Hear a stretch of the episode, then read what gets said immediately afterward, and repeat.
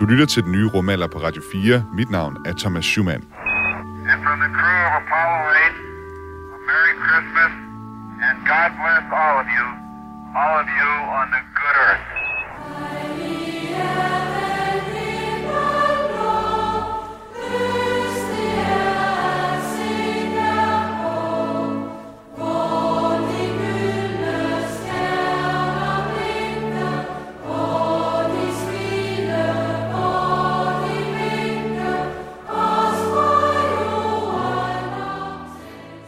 I juletiden er der masser af stjerner.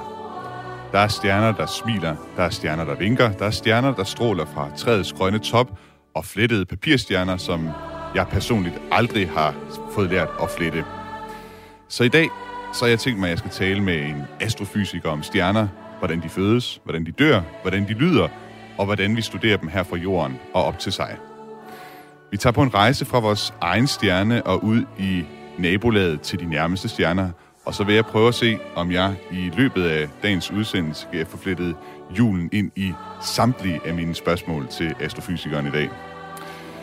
Hvis du sidder derude og øh, skulle øh, have et spørgsmål om stjerner øh, til dagens udsendelse, så er du velkommen til at skrive ind på sms'en. Det er altså 1424, du skriver til. Start din besked med R4.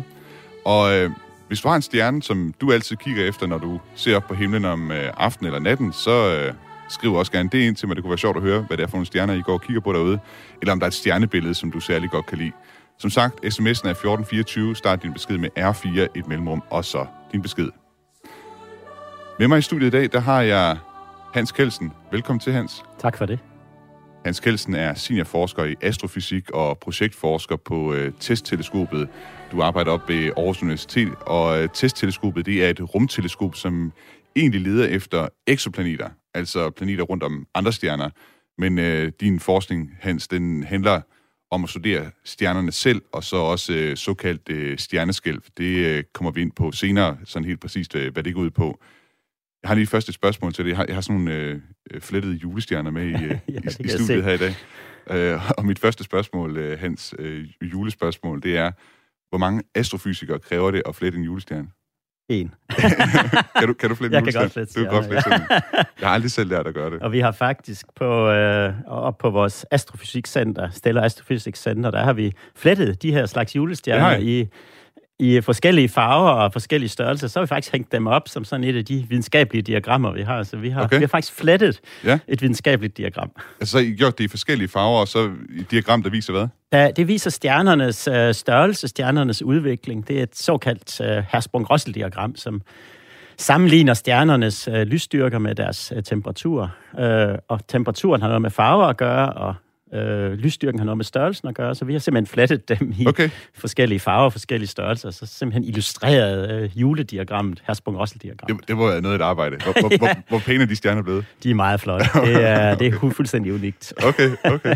Og så hvad siger du så, det... øh, Altså, jeg ved jo, der, er- der er forskellige farver på ja. Ja. stjerner, ikke? Altså, røde og blå og, og hvide stjerner ja. Ja. og så videre, ikke? Jo. Ja. Så altså, de, øh, de røde stjerner øh, findes i øh, både som store stjerner og små stjerner. Det, der Mhm. hedder røde kæmpestjerner eller røde dværgstjerner, mens de hvide og, og blå stjerner øh, er meget lysstærke, men, øh, men øh, og, og, og, og, ja, de findes øh, primært som lysstærke stjerner. Okay. Og øh, jeg tænkte også på sådan her øh, til jul og sådan noget, altså som sagt, stjerner, det er, det er noget, der fylder overalt. Øh, dit eget juletræ, øh, det er den 24. i morgen. Hvor mange øh, stjerner skal der være på det? Vi har faktisk ikke fået et juletræ endnu, men, Nej, okay. men normalt har, har, har vi øh, lys og stjerner på. Ja. jeg, ved, jeg ved ikke antallet, og farverne, det er jo det, de papirstrimler, vi har, så der går ikke så meget astrofysik i det. Nej, okay. Men der skal vel være en i toppen, går Det er korrekt, ja. ja. Nu, nu vi er sådan i, i julestemning, Hans, øh, her, så øh, tænker jeg også lige, at vi skal have afklaret, hvorfor det er, stjerner og jul overhovedet hænger sammen. Min øh, tilrettelægger her på den nye rumalder, Frederik Lyne, han har talt med Daniel Røde, som er selverklæret juleekspert. Han har blandt andet sin egen øh, YouTube-kanal, som hedder Juleekspert, og han har også en podcast, der hedder Daniels Jul. Og øh, Frederik kan tale altså med Daniel om sammenhængen mellem stjerner og julen. Jamen, altså, øh, helt generelt set, så øh, er- der jo julestjerner overalt øh, i julen. Vi synger om dem i salmerne, og, øh, og vi har sågar en i toppen af træet, når vi danser omkring det. Og så fletter vi dem jo også øh, og hænger dem på træet, så det, det er jo, det, det, hver stjerne har sit, sit ophav, kan man sige. Men skal man starte et sted, så kan man jo tage dem op øh, på himlen, og den, der sidder i toppen af træet. For det, øh, der skal vi jo nok tilbage til Bibels tid, og den stjerne, som, øh, som de vise mænd ligesom gik efter, da de skulle finde Jesusbarnet.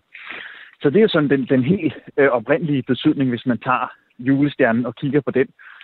Og så har jeg, så har jeg opsporet, at øh, der er rigtig mange, der så har forsøgt sig med, med forskellige tolkninger på, hvad reelt set den her ledestjerne kunne være. Var det en supernova, eller var det en, øh, en, en stjerne, som, som lyste ekstra meget, eller var det en, sågar en komet, eller var det måske bare en planet, for de har jo også en tendens til at lyse. Der er i hvert fald nogle enkelte, der kan. Mm.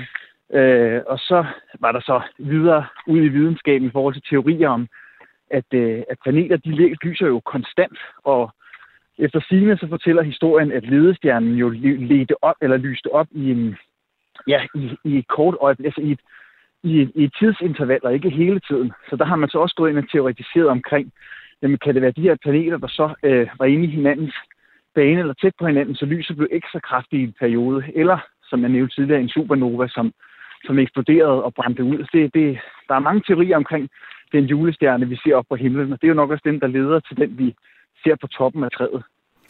Så der er alligevel en lille form for forbindelse mellem det ydre rum og så øh, de julestjerner, vi ser på juletræet? Ja, det, det, det må man sige. Altså, det, det går jo helt tilbage, hvis vi skal 2.000 år tilbage, tilbage, eller 2021, hvis man tror på fortællingen om Jesus og den lille stjerne og de vise mænd, der jo blev ledt fra Østerland og mod vest til Bethlehem, så blev de jo ledt af en stjerne. Og det er jo så nok den stjerne, vi, vi har i toppen af træet, og som vi alle sammen danser omkring og, og synger om i blandt andet Dejlig er den himmelblå, hvor der jo fortælles om stjernen, der viser vej. Men, men der er jo også stjerner i en anden form, og det er jo den, den flettede form. Altså dem, man sidder og, og de her stjernestrimler, man sidder og kæmper med dem, og, ja, og virkelig gøre sig umage med at prøve at få dem til at, at passe sammen. Det er jo, der er jo den her særlige opskrift, hvor man skal sætte dem øh, ind i hinanden. Og de er jo faktisk opfundet tilbage i 60'erne af en øh, mand, der hedder Friedrich Fröbel. Og der, det er også derfor, at stjernen i Tyskland hedder en Fröbel-stjern. Og det er jo den her, som nok alle kender. Og Der er så et lille tip til dem. Hvis man har lyst til at lave en gigantisk stjerne, så skal man have fat i nogle af de her øh, bongruller, man kan få, øh, som supermarkederne bruger til at udskrive bonger på. Og så kan man jo faktisk flette dem som, øh, som stjernestrimler, bare i gigantiske øh, stjernestrimler. Og så kan man flette nogle, der er så store, at de kan pynte i et vindue. Og så kan man jo også ledes af stjerner på den vej. Spice Christmas Spice Christmas Discovery, your go for APU shutdown on time. This is Houston, contact with a test. One, two, three, four, five. One, two, three, four, five, five, four, three, two, one. End of test. Ja, det var altså min tilrettelægger Frederik Lyne, som havde talt med Daniel Røde, som er selvudnævnt øh, juleekspert, og vi fik også her lidt nogle øh, tips og tricks til, hvordan man altså kan folde de her, eller flette de her julestjerner. Og øh, de var også inde på her, hvad skal man sige, hvad det, hvor er det, det kommer fra, det her med, med stjernerne, ikke? Og øh, de var inde på øh, sangen Dejlig er den himmelblå. Øh, der blev der sunget om, om ledestjernen, men med et, der blev at skue, en så klar på himlens bue, som en lille stjernesol. Og vi fik lidt forskellige teorier i, i klippet her. Øh, Hans Kelsen, hvad er astrofysikernes øh, fortolkning af sangen? Hvad er det, der man har set her på himlen? Ja, nu, nu er det jo ikke astrofysik, det her. men, øh, men altså, det er klart, det er jo et, et øh, tilbagevendende spørgsmål, og det er, er selvfølgelig noget, man har diskuteret. Hvad, kunne, kunne det her have et... Øh, et virkelig fænomen på himlen, eller er det bare en historie? Øh, og det kan vi selvfølgelig ikke vide, men, men øh, hvis man skal gå sådan lidt systematisk til værks i, i, omkring det, og, og så ikke måske ikke lige lytte til Dejlig er den himmel blå, som, som, som jo også er en fortolkning, men, men se, hvad er der egentlig af, af beskrivelser af, hvad det er for en stjerne, så er det jo fuldstændig som den beskrivelse, der bliver, bliver givet her mm. øh, for lidt siden, øh, at, at det er en, en, en ledestjerne, det er en, øh, et fænomen på himlen, som er der i et tidsrum og forsvinder igen. Øh, de fleste øh, er nok enige om, at det i virkeligheden ikke er en supernova. For det første også fordi, vi kender faktisk ikke, der var en supernova på det tidspunkt. Okay. Det er i hvert fald slet ja. ikke fundet. Kometer og så videre, andre lysende fænomener. Men, men det mest oplagte er måske i virkeligheden, en, øh, for, fordi de vise mænd fra Østerland var astrologer, at det er et astrologisk tegn. Okay. Øh, og, og de forekommer nemlig øh, i over en, en bestemt periode, og, og man ved faktisk, at der kort før Kristi fødsel var en konstellation mellem planeterne Jupiter og Saturn. Hvad, hvad mener du, når du siger en konstellation? Jamen, det vil sige, at de mødtes på, på, okay. på himlen de kom tæt på, på, på hinanden i øvrigt tre gange imellem år 6 og, øh, eller år 7 og år 6 før Kristi fødsel, og, og det foregik i stjernebilledet øh, fiskene. Og, øh, og, og det fænomen er, er noget, der har været jagtaget blandt astrologerne, som i øvrigt ikke studerede stjernerne direkte, de studerede meget planeternes bevægelse mellem stjernerne, så hvis man skal lægge noget i, i, i beskrivelsen af, at der kommer nogle eksperter, ja. vise mænd fra, fra Babylon, Østerland, øh, øh, og har, har, har fået det her tegn, så er det nok et, et planetkonstellation eller en planetposition, som også viser, at øh, blandt andet kong Herodes havde jo ikke set det selv, hvilket er lidt mærkeligt, fordi mm-hmm. hvis det er så lysende, men hvis man ikke fortolker astrologi, så har man jo ikke opdaget det her fænomen, og det, og det kan forklare det i hvert fald. Men nu skal man passe på, utrolig kort beskrivelse af de her øh, det her fænomen i, øh, i, i, i teksten, og, og, og, og så drage en masse astrofysiske mm. konklusioner. Det er nok at gå, gå, gå vidt, øh, lidt for vidt, men altså det er konstellationen af den, de fleste øh, nok hælder til, men, men det, det er nyt for mig i hvert fald at høre ja. den her teori om, om, øh, om planeterne også. Og nu vi var inde på supernova, så har vi fået en sms her fra Helle, ja. som skriver, Hej, nye rumalder, et spørgsmål. Hvis de nærmeste stjerner til jorden skulle mm. eksplodere til supernova eller andet, ville dette fysisk kunne påvirke os og livet her på jorden? Den nærmeste stjerne, så vidt jeg ved, er blot 4,2 eller sådan noget lysår ja, 4,3, 4,2, ja. ja. Men, men den kan ikke eksplodere som okay. supernova, den nærmeste stjerne, altså Alpha, Alpha Centauri, ja. som er et, et trippelsystem, mm. øh, hvor den allernærmeste er en lille bitte stjerne, der hedder Proxima Centauri. Den, den kan slet ikke eksplodere som supernova, så og, og, og ingen af de nære stjerner er i nærheden af den fase, som altså en supernova, når den eksploderer, så er det et, et fænomen i de sidste faser af en stjernes mm. udvikling. Og det er der ingen af de stjerner, der er. Vi skal, den nærmeste sandsynlige stjerne, der kan eksplodere, det er stjernen Betelgeuse i, ja. i, i Orion. Der har vi faktisk en sms mere fra, fra Claus, der, der skriver, når uh, Ita Carina og Betelgeuse eksploderer som supernova, vil der være en chance for, at jorden bliver ramt af en skadelig, skråstrej fatal GRB, det ved jeg tilfældigvis, hvad det står for, det er Gamma Ray Burst ja. i den forbindelse. Det kan være, at du lige skal forklare, hvad... Dels, altså, du har lige nævnt ja. Øh, Betelgeuse som en kandidat til en stjerne, der kunne gå, gå supernova. Prøv, prøv lige at fortælle lidt om den stjerne først, så kan vi lige tage det skridt for skridt. Ja, altså Betelgeuse er en, en, en stjerne, vi ved ikke præcis, hvor, hvor, hvor, hvor, hvor meget masse der er i den, men det er, det er, det er måske 20 eller 30 gange øh, øh, solens masse. Mm. Og den slags stjerner øh, udvikler sig i deres sidste fase af, af, af den udvikling, de har, til, til en meget kritisk situation, hvor det simpelthen eksploderer. Mm. Så hele stjernen øh, øh, ryger i luften.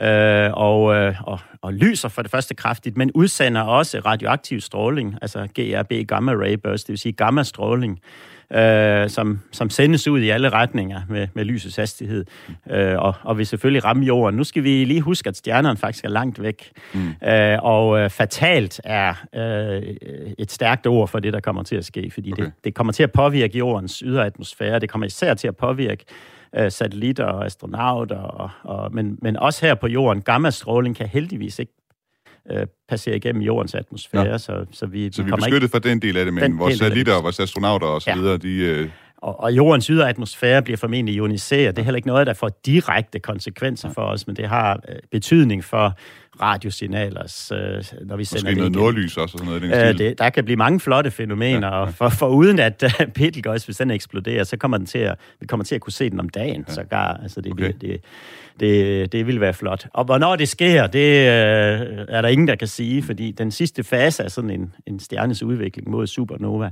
foregår så hurtigt, at øh, vi slet ikke ser det på overfladen en eller anden dag. Det kan være lige nu, mens vi snakker, det kan være om 1000 år, eller 10.000 år, eller 100.000 år, så eksploderer den.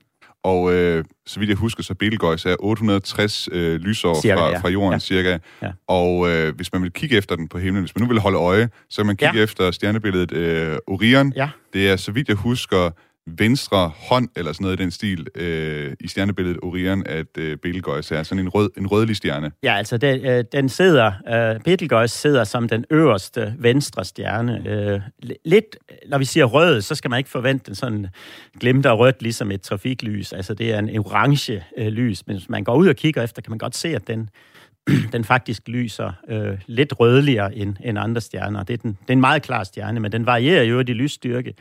Øh, og, øh, øh, men altså, der er ingen tegn på, at den er sådan umiddelbart, den er tæt på, men jeg har jo lige sagt, at vi ikke ved det. Så. ja, nu siger du, det er umiddelbart, den ikke ja. er tæt på det, fordi øh, det er også en ting, vi skal omkring øh, senere i udsendelsen, havde tænkt, men øh, der var noget med forrige år, eller ja. 2020, at ja. øh, der, der opførte den så lidt mærkeligt, den her Bilgøjens. Altså, den øh, lige pludselig, øh, eller pludselig og pludselig over, over uger og måneder, så, så svækkede den sin lysstyrke, så den faldt faktisk i, i lysstyrke med en, med en faktor 3 cirka.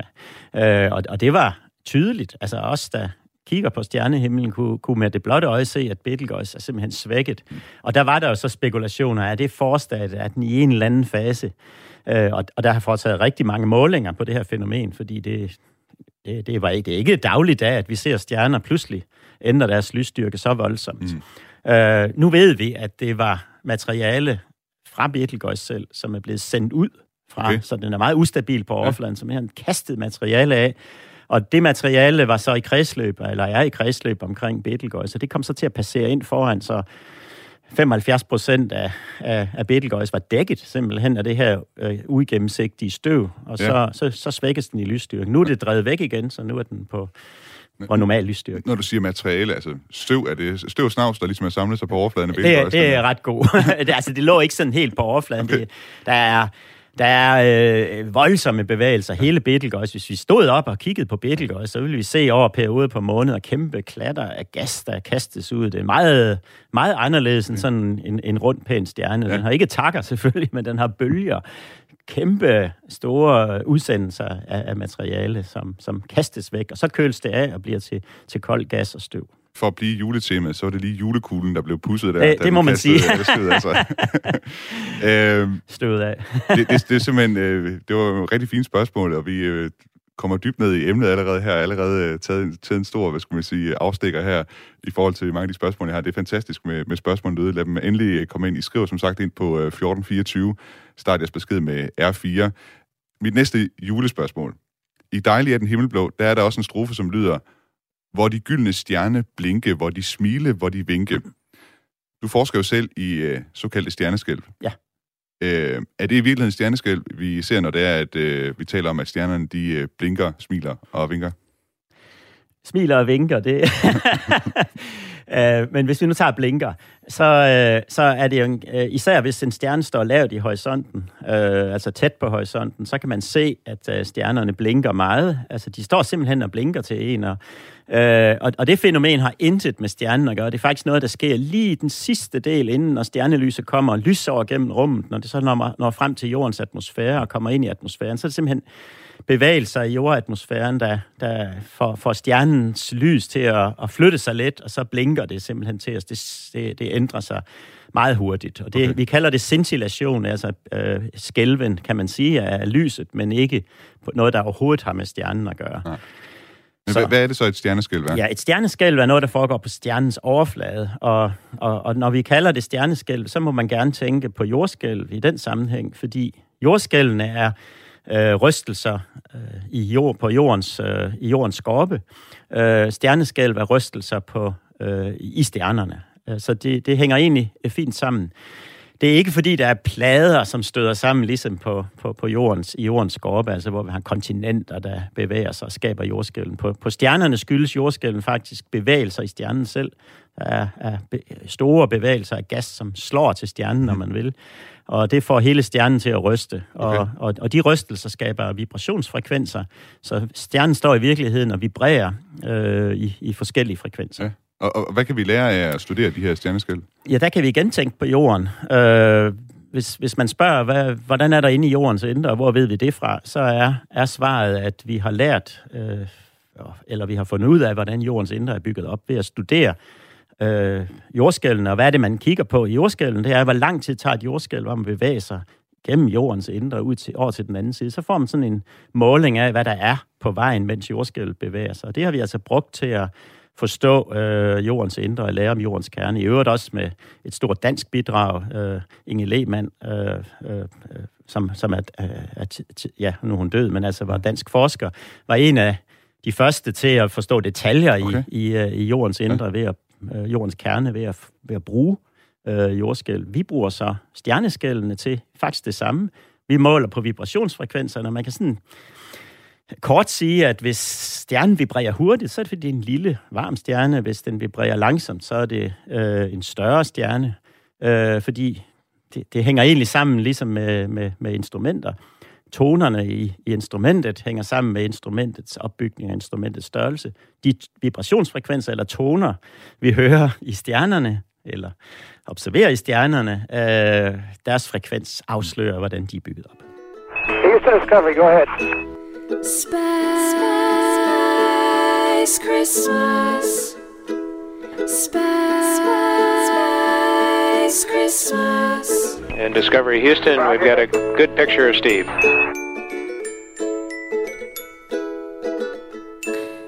Vi har fået en uh, sms her fra Tommy Ligård, der skriver, jeg har en ledestjerne hele året rundt, og hun lyser, uh, hun, og hun lyser hele året, og lyder, ja, det vil I ikke vide, hun er navngivet Birgit. Det var en meget sød øh, sms her, og der er flere i øvrigt. Jeg har lige et spørgsmål, øh, før vi måske tager nogle af de øh, sms'er her. Øh, nu var jeg ude og købe julegaver i går, og jeg gik ned af strøget i Aarhus, som her i december er kendt for sin stjernehimmel og julelys. Jeg kunne læse mig til, at det er cirka 700.000 LED-lys, der er hængt op over strøget. Hvor tæt øh, med de LED-lys er vi så på, øh, hvor mange stjerner der er i, i universet? ja, vi vil hurtigt slippe op for LED-lys. Okay. Der ja. i, I det, vi kalder Mælkevejen, som er, er det stjernesystem, som uh, solen er en del af. Solen er jo den nærmeste stjerne. Mm. Øh, der er der måske 300 milliarder stjerner, og der er i bare den del af universet, vi kan se øh, tusindvis af milliarder af galakser altså mælkeveje. Mm-hmm. Så, så de to tal skal ganges med hinanden for stjerner, antallet af stjerner i det synlige univers. Mm-hmm. Øh, så, så vi er langt, langt væk fra. Men 700.000 er dog, øh, altså hvis vi kigger sådan på stjernehåbe ude i uh, Mælkevejen, så er det uh, de oh, færreste. Der. Ja, så, kan vi faktisk godt måle ja, med det. Okay. Altså sådan de, selv de største stjernehåbe, ja. altså grupper af stjerner, sammenkolumpninger i, i Mælkevejen, har ikke så mange stjerner. Nej, okay.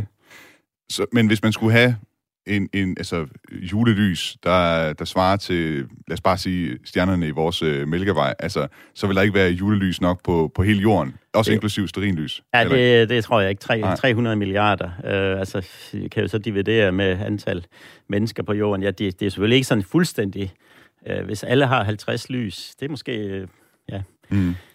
Ej, nu, nu er 700.000 divideret med Aarhus øh, befolkning, så har vi alligevel kun et par stykker hver. Jo. Men altså, okay. Øh, det kunne være en spændende udregning. Jeg det har ikke foretaget den. ja.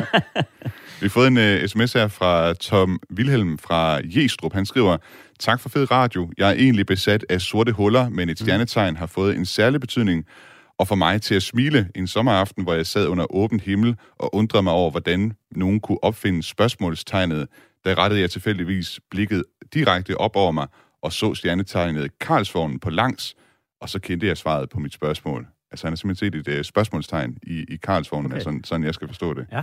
Det er noget med, at I bruger, I bruger simpelthen uh, hvad hedder det, stjernebillederne til at, at, at navigere efter, er det ikke rigtigt? Jo. Det, det er noget, man stadig bruger blandt uh, astrofysikere og ja. astronomer. Ja.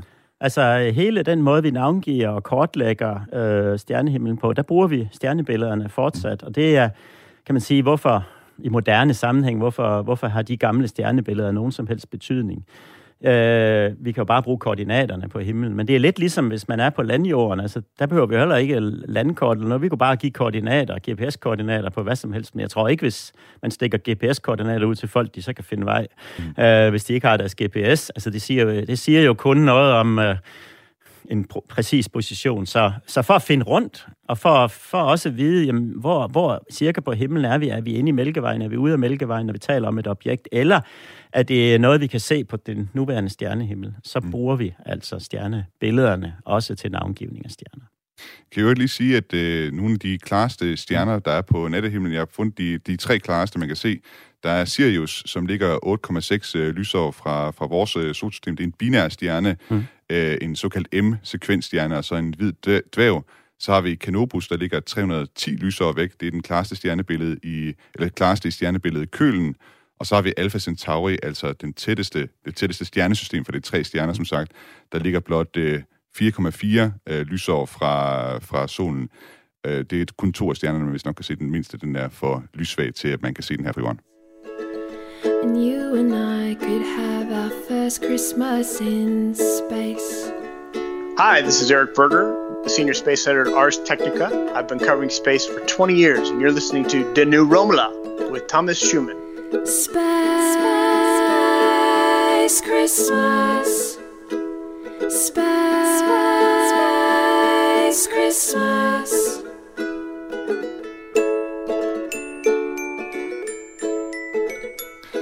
Ja, du lytter nemlig til den nye rumalder på Radio 4. Mit navn er Thomas Schumann, og i dag der taler jeg om stjerner, og for så vidt også jul, med astrofysiker Hans Kelsen fra Aarhus Universitet.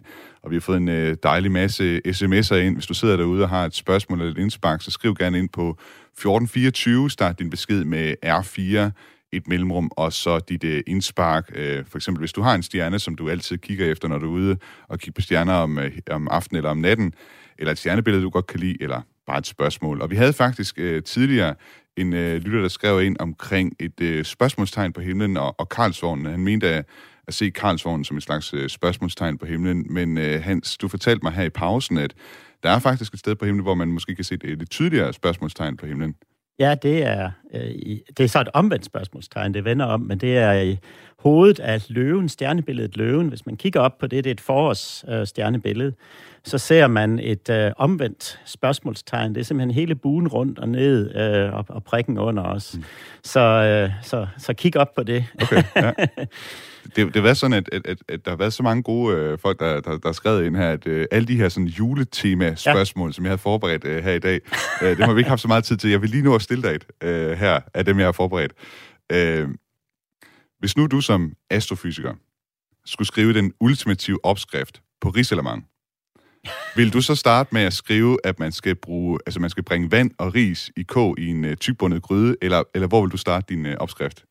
Hvis det er som astrofysiker, så skal vi jo starte med universets dannelse. Big Bang. Ja. Uh, materialerne ender i de første stjerner. Stjernerne udvikler sig og danner tunge og grundstoffer. Og uh, før vi får uh, ja, den kemi, som er nødvendig for at kunne lave risalemang, så skal vi igennem en større stjerneudvikling. Så sådan 8-9 milliarder år hen i uh, universets udvikling, så bliver jorden dannet, og på et tidspunkt, så får vi så uh, ris på, på jorden, og så når man har fat i dem, så øh, er der altså en direkte sammenhæng mellem stjernernes udvikling, stjernestøv og så risalemang.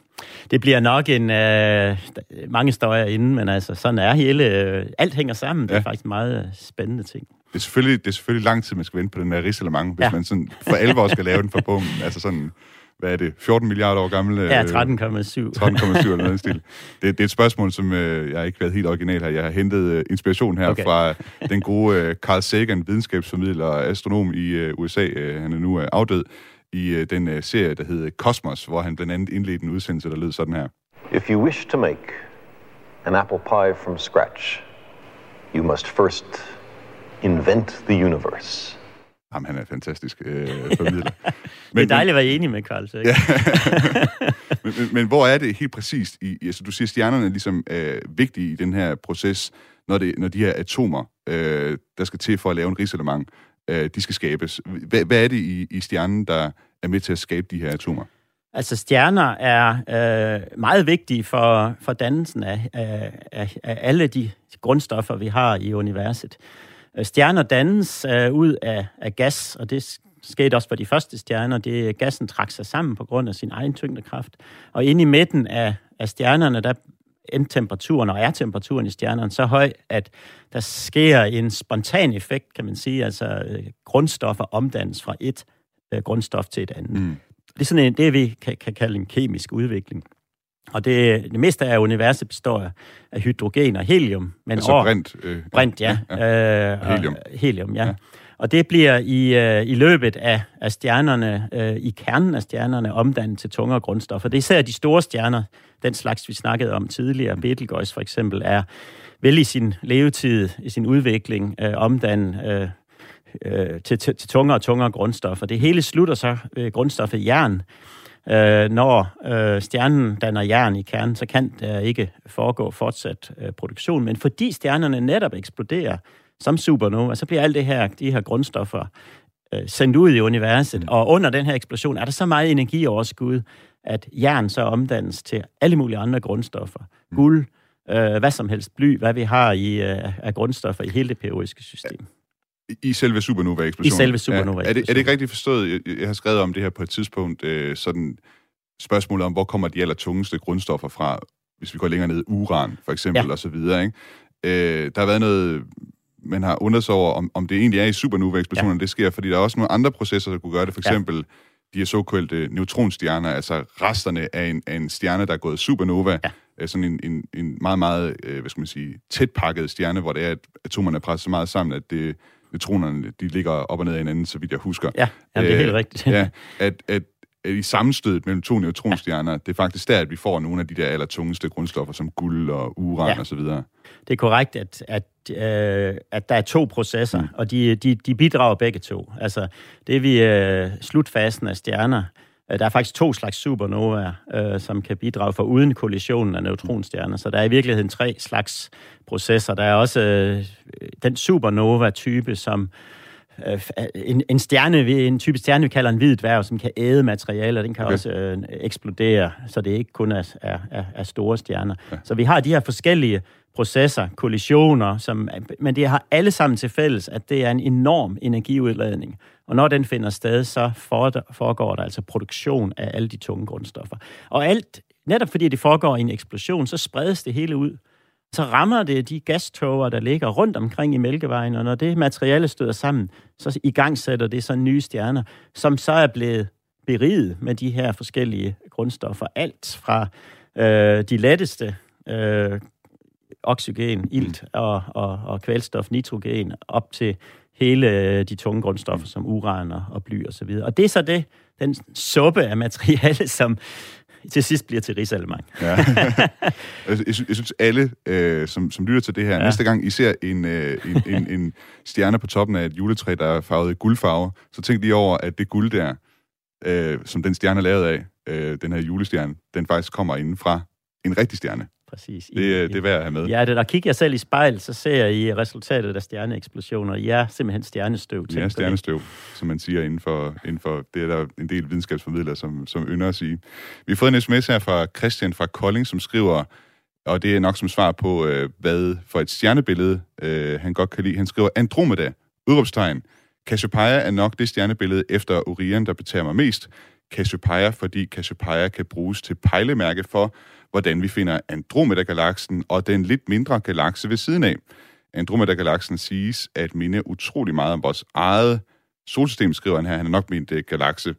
Er det stadig teorien, og er, er den meget tæt på os? Jeg mener, den er omkring 2 millioner lysår. Altså, der var, der var et par spørgsmål her. Dels øh, spørger han, Andromeda-galaksen, den siges at minde utrolig meget om vores eget galakse. Kan det passe? Det er meget, meget rigtigt. Det er faktisk Andromeda-galaksen, at, den, at selvom den er 2,5 millioner lysår væk, som der også bliver sagt mm. her, så er det den nærmeste anden mælkevej-galakse. Øh, og den er i størrelse og, og opbygning meget tæt på, på, på vores egen, mm. egen mælkevej. Øh, nu kan vi jo ikke se vores egen mælkevej udefra, men altså de, den viden, vi har om opbygningen, så er det faktisk et meget godt øh, billede på, mm. på det nu kan man ikke se uh, hele strukturen af, af, af Andromeda, hvis man kigger op, altså Andromeda-galaksen, hvis man kigger op, men man kan godt ane lidt lys der. Det er faktisk uh, det fjerneste lys, man kan se med sit eget øje, uh, uden kikkert. Uh, det er Andromeda-galaksen. Okay. Så, ja. så 2,5 millioner lysår, hvis man spørger, hvor langt kan et menneske se væk? Ja, vi kan se lys, der er 2,5 millioner lysår væk, hvis vi kigger på Andromeda-galaksen, det og det er det fjerneste. Ja, at man kan se så langt, ikke? Ja. ja. Jeg kommer til at tænke på, hvad der er sket øh, for 2,5 millioner år siden her på jorden. Altså, man skal forestille sig, at det der lys, det har taget de her 2,5 millioner om og, øh, og nå herned. Så hvis vi kiggede, altså, kiggede tæt nok på Andromeda-galaksen, så nogle planeter eller et eller andet, det, det er nok noget ude i fremtiden, før man kan Præcis. det. Men så kunne man se, hvordan øh, udviklingen var der. Vi har også øh, Helle, der skriver ind her. Hej, nye rumalder. Spørgsmål. Så smukt, at Jupiter og Venus lige nu lyser op på aftenhimlen og nærmer sig hinanden til en måske ny julestjerne. Som jeg mener, hvorfor optræder Jupiter altid om vinteren på den sydlige himmel, ikke langt over horisonten, og er det rigtigt, at planeterne i vores solsystem aldrig ses på den nordlige himmel? Hens. Øh, det er faktisk ikke rigtigt, at øh, mindre man, man er meget ung, at man har en oplevelse af, at øh, Jupiter kun findes på vinterhimlen, mm-hmm. fordi øh, dens omløbstid er, er 11 år, og, og den, er, den er, står i, på nattehimlen. Øh, der skifter den fra år til år, så den kommer hele tiden lidt senere. Så, så venter man 5-6 år, så fra nu af, så ser vi den faktisk på sommerstjernehimlen. Men, men når det er sagt, så er den jo smukkest på vinterstjernehimlen, fordi den, der står den højt, øh, mens den står, står, så den står rigtig fint her, øh, eller den står på den mørke himmel. Øh, og vi ser så også Venus øh, øh, nu på himlen, fuldstændig mm. som der bliver, der bliver, bliver sagt her. Den, er, den, den kan så også ses på forskellige tider. Det er, ja, systematikken ja, det er lidt mere kompliceret. Ja, ja. Det har noget at gøre med, hvordan planeterne de flyver ja. rundt om solen, ikke? Ja. Jo. I deres baner. Så, ja. så altså, vi kan faktisk godt få, øh, få, få, få Jupiter meget fint på, på, på sommerstjernehimlen. Mm. Øh, og i øvrigt højt på himlen. Nu fik jeg sagt, at den står højt på vinterstjernehimlen. Den kan faktisk komme endnu højere op på sommerstjernehimlen. Og, og planeterne kan vi ses på både den nordlige og sydlige halvkugle. Ja, altså planeterne kan ses uh, fra, fra uh, de, de står uh, tæt på, på, på ja. ekliptika, det kommer ekliptika, som er, er, er solens bane hen ja. over uh, himlen. Uh, der ses uh, planeterne, de står også tæt på det, så, så de kommer faktisk også op på den nordlige himmel. Men nu kan vi faktisk sagtens her fra Danmark jo også se den sydlige himmel. Ja. Så. Jeg synes, jeg synes vi kom, det, vi kom lidt for langt væk fra julen her. Jeg synes, vi, vi skal lige tilbage, vi skal lige tilbage ved sporet til, til julen. En af de ting, som øh, også hører til julen selvfølgelig, det er musikken, og der er altid nogle særlige instrumenter, som lyder ret øh, julet. Vi skal lige prøve at høre det øh, klip her, som jeg selv synes var, lød ret julet.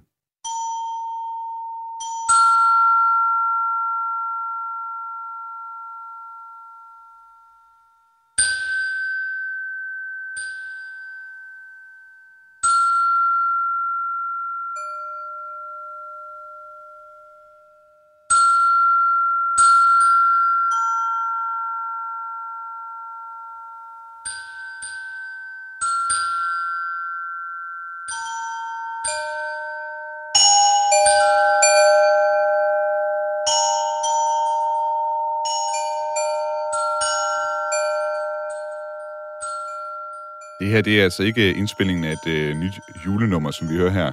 Men det er en del af et øh, projekt fra ESO, European South Observatory. Det er en europæisk øh, astronomiorganisation, som bruger teleskoper, der står øh, op på bjergene i Chile.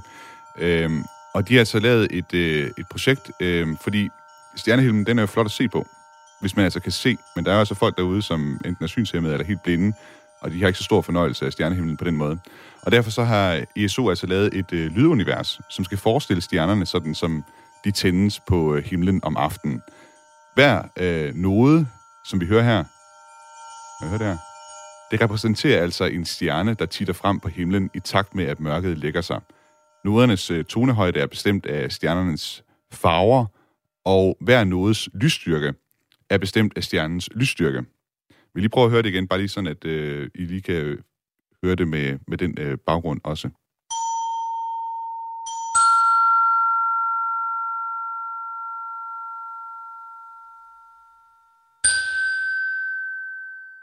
Og man kan lægge mærke til, at øh, fordi det er i takt med, at mørket lægger sig, så er det meget få stjerner, man hører til at starte med, og så lige pludselig, så er det som om, så eksploderer det i, i, i stjernevrimmel her. Hans øh, Kelsen, øh, hvad, hvad tænker du om sådan et øh, projekt, som ESO har lavet her? Det er jo fantastisk smukt. Altså, det illustrerer jo rigtig meget af det, der sker på himlen. Mm. Netop. Og den, den væsentlige er jo selvfølgelig, at der kommer flere stjerner frem. Også man hører, at stjerner er forskellige, fordi tonerne her er forskellige. Hvordan den præcise sammenhæng er, er selvfølgelig noget, man har valgt. Mm. Det er jo ikke de toner, stjernerne nødvendigvis har. Nej. Øh, og øh, så, så, så smukt er det, men det, det, det ville jo også være sjovt, hvis man spillede forskellen på sommer og vinter, fordi om sommeren har vi jo færre stjerner, i hvert fald på, på mm. vores stjernehimmel, simpelthen fordi det aldrig bliver helt så mørkt. Så på den måde vil vi også øh, se forskel, som vi snakkede om før med planeterne. Altså sommerstjernehimlen, der, der ses planeterne øh, øh, selv når de står og lyser klart, så bliver de jo ikke så, så tydelige. Så det er igen det her med vinterstjerne i himlen. Planeterne står højt, de kommer og, øh, eller lyser imellem stjernevrimlen. Så, ja. så jeg, jeg synes, det er et meget smukt projekt, ja. det her. Du har faktisk selv skrevet en kortbog, der hedder Stjernernes Lyde. Ja. Hvad, hvad er det? Altså, nu det her, det er jo sådan en fortolkning, kan man sige, ikke? At man har, man har fundet det her klanginstrument. Jeg ved, jeg kunne ikke finde ud af, hvad det var for et instrument, de havde brugt helt præcist. Men, men øh, hvad, hvad for, hvilken slags lyde har stjernerne egentlig? Altså, de lyde, ja, øh, når jeg snakker om stjernernes lyd eller stjernernes musik, øh, så, er, så, så er parallellen til, at et musikinstrument, måske er det bedst at tage en ovlpipe i virkeligheden. Hvis man spiller tonen på et ovl, så er de forskellige tonehøjder afhænger af, hvor stor ovlpipen er. Og i virkeligheden også, hvis man ændrede luften i ovlpipen, så vil man få en anden lyd. Så, så der er en sammenhæng mellem det, ovlpipen består af, den musik, den spiller, den tone, den har. Og sådan er det også med stjernerne.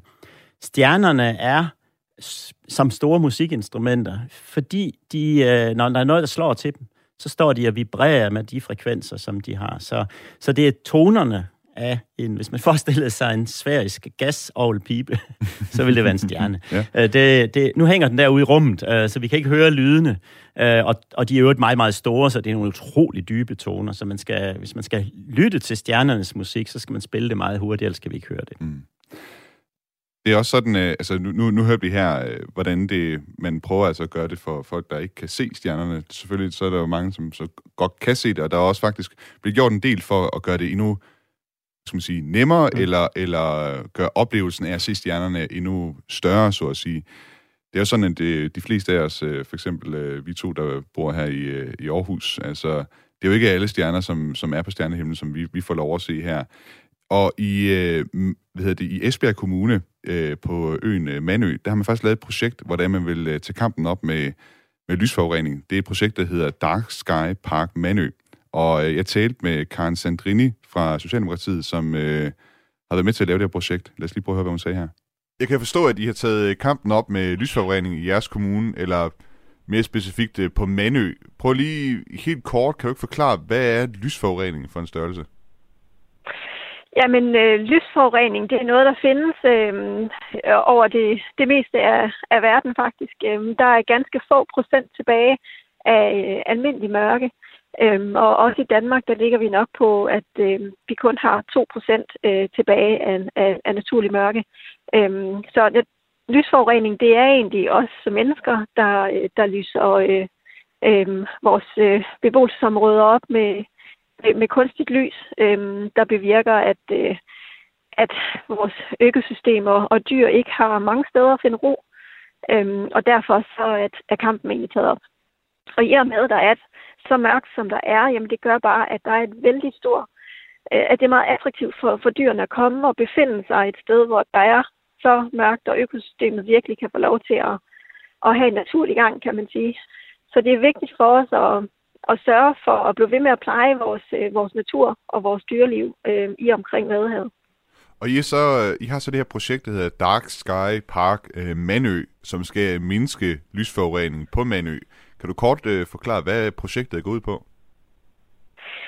Øh, Manø er jo en, øh, en dejlig vadehavsø, og i vores øh, ministerdeklaration, som vi har lavet med, med to øvrige lande, nemlig Holland og Tyskland, der er vi indskrevet, at vi skal prøve at forhindre lysforurening omkring øh, Vadehavet.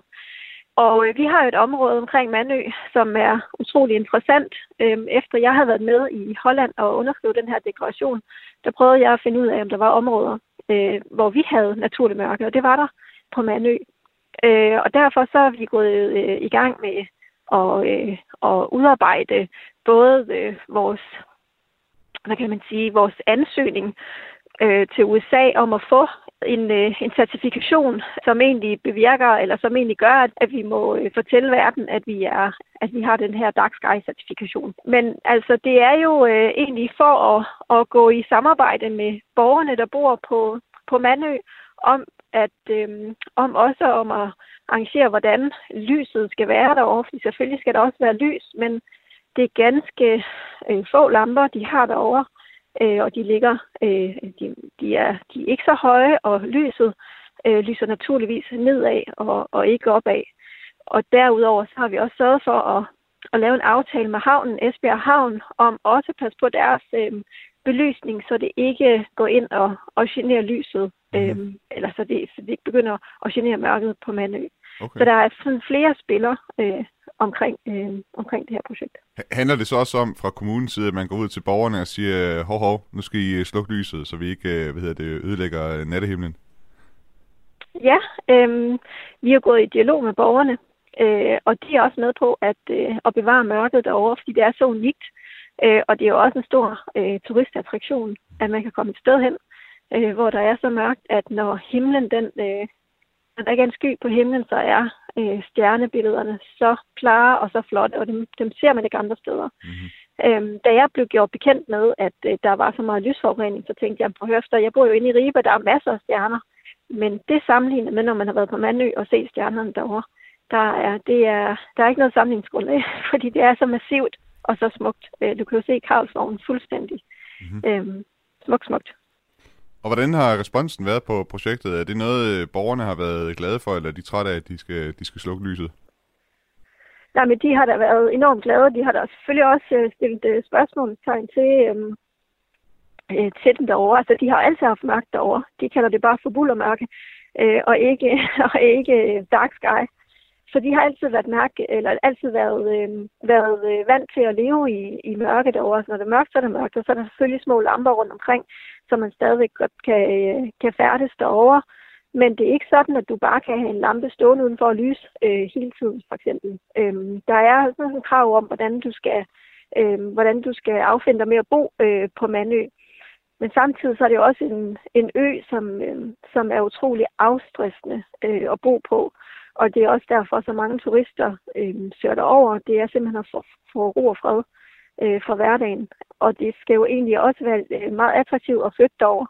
Øh, der er folk, der leder efter de her steder, hvor de virkelig bare kan få ro. Øh, og der er man jo bestemt et, øh, et sted at, øh, at tage til. Kan du selv lige at tage ud en mørk aften og kigge på stjerner? Ja, jeg har altid været meget interesseret, og det er også derfor projektet, det, øh, at jeg gik i gang med projektet derovre. Øhm, så øhm, jeg, jeg har altid øh, elsket det. Øhm, jeg har altid haft konkurrencer med, min, øh, med mine brødre, når vi kørte til Italien i, i sommeren. Øh, der var der også klare øh, billeder, og det galt altid om at være den første, der fandt Cassiopeia for eksempel. Så vi har, øh, altså stjerner har altid interesseret mig utrolig meget, ja. Karen øh, Sandrini, altså formand for Plan- og Miljøudvalget i Esbjerg Kommune og byrådsmedlem for Socialdemokratiet. Tak fordi du vil være med og tale om øh, jeres øh, projekt Dark Sky Park øh, Manø. Selv tak. Ja, jeg kan sige, at det, det er altså noget, der laves i samarbejde med en øh, forening eller organisation, der hedder International Dark Sky Association, en international forening, hvis formål det er at beskytte nattehimlen for nuværende og fremtidige generationer. Og Hans Kelsen, I er jo faktisk også øh, med i det her projekt. I skal have stillet et, øh, lille teleskop op på Manø, så I kan øh, se stjernerne øh, fra den her meget, meget mørke nattehimmel, der kommer til, der, der kommer til at være på, på, på Manø. Og øh, vi talte øh, i går sammen om, om det her projekt i øh, telefonen, og du fortalte om, at man også på Anholdt, øh, øen Anholdt, har sådan et område, sådan en Dark Sky Park her, og at I havde været nogle stykker ude på et tidspunkt og se nattehimlen her. Kan du prøve at beskrive den der oplevelse, man får, altså som er, altså, hvordan den oplevelse er anderledes at mm. se nattehimlen sådan et sted øh, i sådan en Dark Sky Park, øh, i forhold til for eksempel at se det her inden fra Midtbyen øh, i Aarhus? Jo, jeg vil først sige, at det er, er, er jo et fantastisk projekt. Det er, der er både på Anholdt, men, men, men jo på Mandø, som vi hører om her, der er sat i gang. Det er stor respekt for, at, at Esbjerg Kommune er så aktiv i at prøve at beskytte øh, stjernehimlen. Fordi det, man kan opleve, nu bliver dyrene, dyrene beskrevet her, men vi, vi mennesker oplever jo heller ikke øh, mørket, ser Mælkevejen. Altså når man ligger, øh, for eksempel, som vi gjorde på Anholdt øh, for, for, for halvandet år siden om sommeren, med en, en stor skare af andre øh, under en stjerneskudsby, hvor, hvor vi simpelthen vendede os til mørket, øh, lå der, så Mælkevejen, fuldstændig bul og mørke, som i virkeligheden er et godt ord, og så stjerneskuddene vrimler frem. Øh, det er en oplevelse, som kræver mørke, og når man først har oplevet det, så, så er, altså man, man får virkelig, det er en, det er en stor oplevelse at mærke, jeg er en lille ting i det her store univers, og jeg, jeg synes også, det projekt på Mandø er så fantastisk, fordi man skal, jo kunne, man skal jo kunne tage et sted hen og opleve Mælkevejen, altså beskytte mørket, ellers kan man ikke se det, så kan man bare høre om det, eller se en YouTube-video med, hvor, hvor nogen har været et mørkt sted. Men at man selv kan køre til Mandø, eller tage færgen til Anholdt, gå ud øh, i det mørke, som så er blevet beskyttet, så man kan garantere øh, at opleve mørket. Mm. Det er en stor oplevelse. Og apropos de her store oplevelser, så har jeg fået, fået en sms her fra Helle, som skriver, i 1957 i september i superklart vejr så jeg et af de mest fantastiske nordlys i kendt tid.